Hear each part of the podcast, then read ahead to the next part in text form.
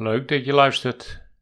Vandaag waarom ik zo graag in je ogen kijk. Jouw ogen spreken boekdelen bij vingerreflexologie. Dat komt omdat je met je ogen denkt. Want je haalt informatie uit je brein via je ogen.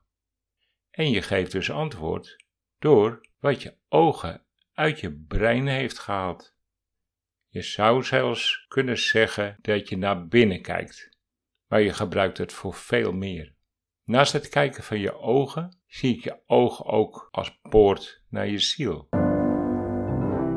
Hoi, leuk dat je luistert naar de podcast Helende Vingers. Ik ben Ruud Overstegen, de vingerwijzer. En ik vind het heerlijk om voor je de verborgen kracht van de vingers te praten. En hoe ik het een en ander in de praktijk breng. Waarom die interesse voor de ogen? Wat is er zo apart aan de ogen? Omdat jij je ogen nodig hebt, zodat je een bepaald deel van het brein kunt aanspreken. Elk zintuigelijke waarneming zit op een bepaalde plek in je brein. Alle dagelijkse situaties die via onze zintuigen binnenkomen, gaan naar het desbetreffende deel van het brein om die dingen op te slaan voor later. Stel ik bepaalde vragen over het verleden, moet het brein putten uit die opgeslagen info om de juiste informatie terug te halen. Elke zintuig heeft zo zijn eigen plek van opslag en die dient dus daar ook weer opgehaald te worden. Ik stel bij aanvang wat onbelangrijke vragen, om meer te weten te komen hoe iemand zijn leven heeft opgeslagen in het brein. Als je bewust bent dat de ogen meewerken bij het ophalen van eerdere ervaren voorvallen, kun je bij iedereen op de oogbewegingen letten als jij ze vragen gaat stellen. We kunnen ons op die manier een beter beeld vormen wat er werkelijk in het brein bij mensen omgaat, maar ook hoe eerlijk iemand antwoord geeft over bepaalde pijnlijke zaken. En een mooie mogelijkheid voor mij dus om te kijken of ze wel meewerken op vragen die ik ze stel om echt te gaan zoeken naar de dingen uit hun verleden. We kunnen natuurlijk niet echt zien wat ze denken, maar we kunnen er wel uit opmaken hoe ze denken. Ons brein heeft voor het ophalen van oude informatie namelijk een bepaald patroon. Hoe emotioneel we ons leven ervaren, is door die oogbeweging na te gaan. En er is eigenlijk ook een soort tijdslijn. Indien je namelijk geen problemen of heftige emoties over het verleden zou hebben, zullen je oogbewegingen soepel en ontspannen gaan. Indien er echter een nare herinnering of emotie uit het verleden jou nog pijn doet, kun je door die betreffende oogbewegingen zien hoe heftig die oude herinnering nog in het systeem zit. Door nu bepaalde vragen te stellen, zullen de ogen naar het desbetreffende deel van het brein kijken. Hoe meer de ogen die bepaalde richting opgaan, des te duidelijker het in het gedachte komt en makkelijker terug te halen is. Het betreffende deel is dan open en zuiver en zonder mogelijke blokkades. Over het algemeen zullen de ogen de vragen volgen naar het bepaalde deel van het brein. Beter gezegd, de oude herinnering is emotioneel makkelijk opnieuw te aanschouwen. Soms echter zie je dat de ogen niet bewegen of een bepaalde kant willen vermijden. Je kunt dan bedenken dat de cliënt veel emoties ervaart bij het ophalen van die bepaalde herinnering. Let op, de oogbeweging die ik nu uitleg is als je de cliënt in de ogen kijkt. Links omhoog kijkend is het een visuele creatie. Links in het midden kijkend is het een bedacht geluid. En links naar onderen kijkend is een gevoelservaring. Als we voor jou naar rechts kijken, rechts omhoog, is het een visuele herinnering. rechts naar het midden, geluid herinnering. En rechts naar onder kijkend is het hun eigen stem horen. Hoe verder ze vanuit jouw zicht naar de rand kijken, hoe meer ze kunnen ophalen uit het brein. De vragen die ik stel hebben natuurlijk te maken met hoe hun ervaring met het verleden was en hoe ze iets kunnen ervaren voor de toekomst. Want ze komen met een probleem die in het verleden is neergezet en die emotionele emotie kwijt willen. Om het te vervangen hebben we natuurlijk ook een toekomstbeeld nodig. We dienen dus ook te weten wat er voor in de plaats gezet gaat worden. Je kunt deze informatie die ik nu geef ook gebruiken bij je partner. En die hoeft natuurlijk helemaal geen klachten te hebben. Alleen maar kijken hoe die oogbeweging is.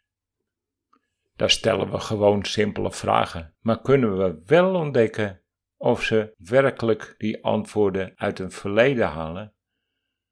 Of als je vragen stelt, kan jij het je voorstellen? Je kunt dan zien of ze meewerken.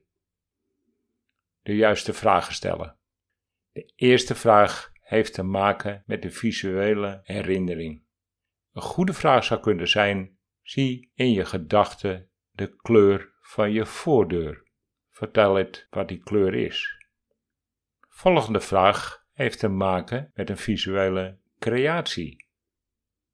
De vraag zou kunnen zijn: stel je eens voor hoe jouw voordeur eruit ziet als hij rood met witte stippen is. We gaan nu de geluid bekijken. Een vraag zou kunnen zijn: denk eens aan de stem van je partner of een bekende Nederlander. En aan de andere kant van de ogen in het midden. De vraag zou kunnen zijn: bedenk eens hoe je partner klinkt als hij of zij Donald Duck nadoet. We kijken nu wat ze doen als het naar beneden gaat, het gevoel voor mij het belangrijkste onderdeel. De volgende vraag gaat dan ook over het gevoel. Linksonder. Een mooie vraag zou kunnen zijn: voel eens hoe een wollen deken om je heen voelt. En de laatste vraag van deze ronde gaat over interne geluiden, het horen van je eigen stem. Zeg eens in je hoofd de tafel van twaalf. En iets moeilijker, zeg in je hoofd de tien cijfers van je mobiele telefoon van achteren naar voren. Was het te doen? Of merk je dat je ogen ergens een hapering hadden? Of merkte je dat bij je partner? Dan is de volgende oefening misschien iets om je ogen, maar ook om je brein te trainen. Het is de Lemeskat, dus een 8 op zijn kant. Deze oefening helpt de opgeroepen delen van het brein weer in balans te brengen, maar is ook geschikt om de oogspier wat te versterken. Leg je handen tegen elkaar in een gebedshouding. Breng de duimen naast elkaar zodat je beide nagels kunt zien. Rechts voor je, zodat je je neus raakt. Blijf naar je duimen kijken en breng je handen 20 centimeter, zeg maar je ellebooglengte, van je lichaam. Je ellebogen nog tegen het lichaam aan. Draai nu voor je ogen een liggende acht. Begin in midden en ga met alleen je ogen helemaal naar rechts boven. Dus alleen je ogen bewegen je beide handen die liggende acht maakt. Je moet dus alleen je ogen zo ver mogelijk naar de zijkant laten kijken. Ja, duimen volgen. Dan ga je naar het midden, naar onderen en komt dan weer in het midden terug en gaat daar weer naar de linkerkant. Linksboven, links in het midden, links onderin. En dan ga je van onder weer naar het midden. En dat doe je zeker vijf keer. Zo ver mogelijk. Merk je haperingen? Of gaat het soepel en gemakkelijk? Zeker als er nog wat oud zeer jou lastig valt en je gaat naar die herinnering terwijl je die acht draait. Hoe meer deze oefening doet, hoe soepeler je die herinnering ervaart, maar ook minder emotioneel hij weer terugkomt. Je kan dat gebruiken voor de toekomst, een stukje herhalen. Voor de beelden is het links en rechts boven, oh, zo hoog mogelijk. Of het beelden zijn die geweest zijn, of het beelden die je moet gaan vormen omdat ze nog niet bestaan. Geluiden links en rechts in het midden. Geluiden die bestaan, hè? je eerste cassettebandje bijvoorbeeld. Of geluiden die nog nooit gehoord zijn en gecreëerd kunnen gaan worden. En zo hebben we dat ook met, als je naar beneden kijkt, met gevoelens.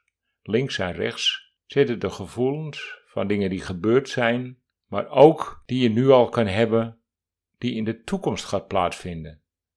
Dus op het moment dat je met de toekomst bezig bent en je voelt emotie, dan is dat niet de correcte emotie, want aan de toekomst zit nog geen emotie. Het zit verweven met de emotie die je eerder hebt gehad. En hoe duidelijker jij beseft hoe dat brein nog werkt, des te mooier kan je deze oogbewegingen gebruiken om het oude zeer van vroeger op de juiste plaats te zetten. Ik dank je voor deze aandacht. Dit was de podcast Helende Vingers. Tot de volgende keer.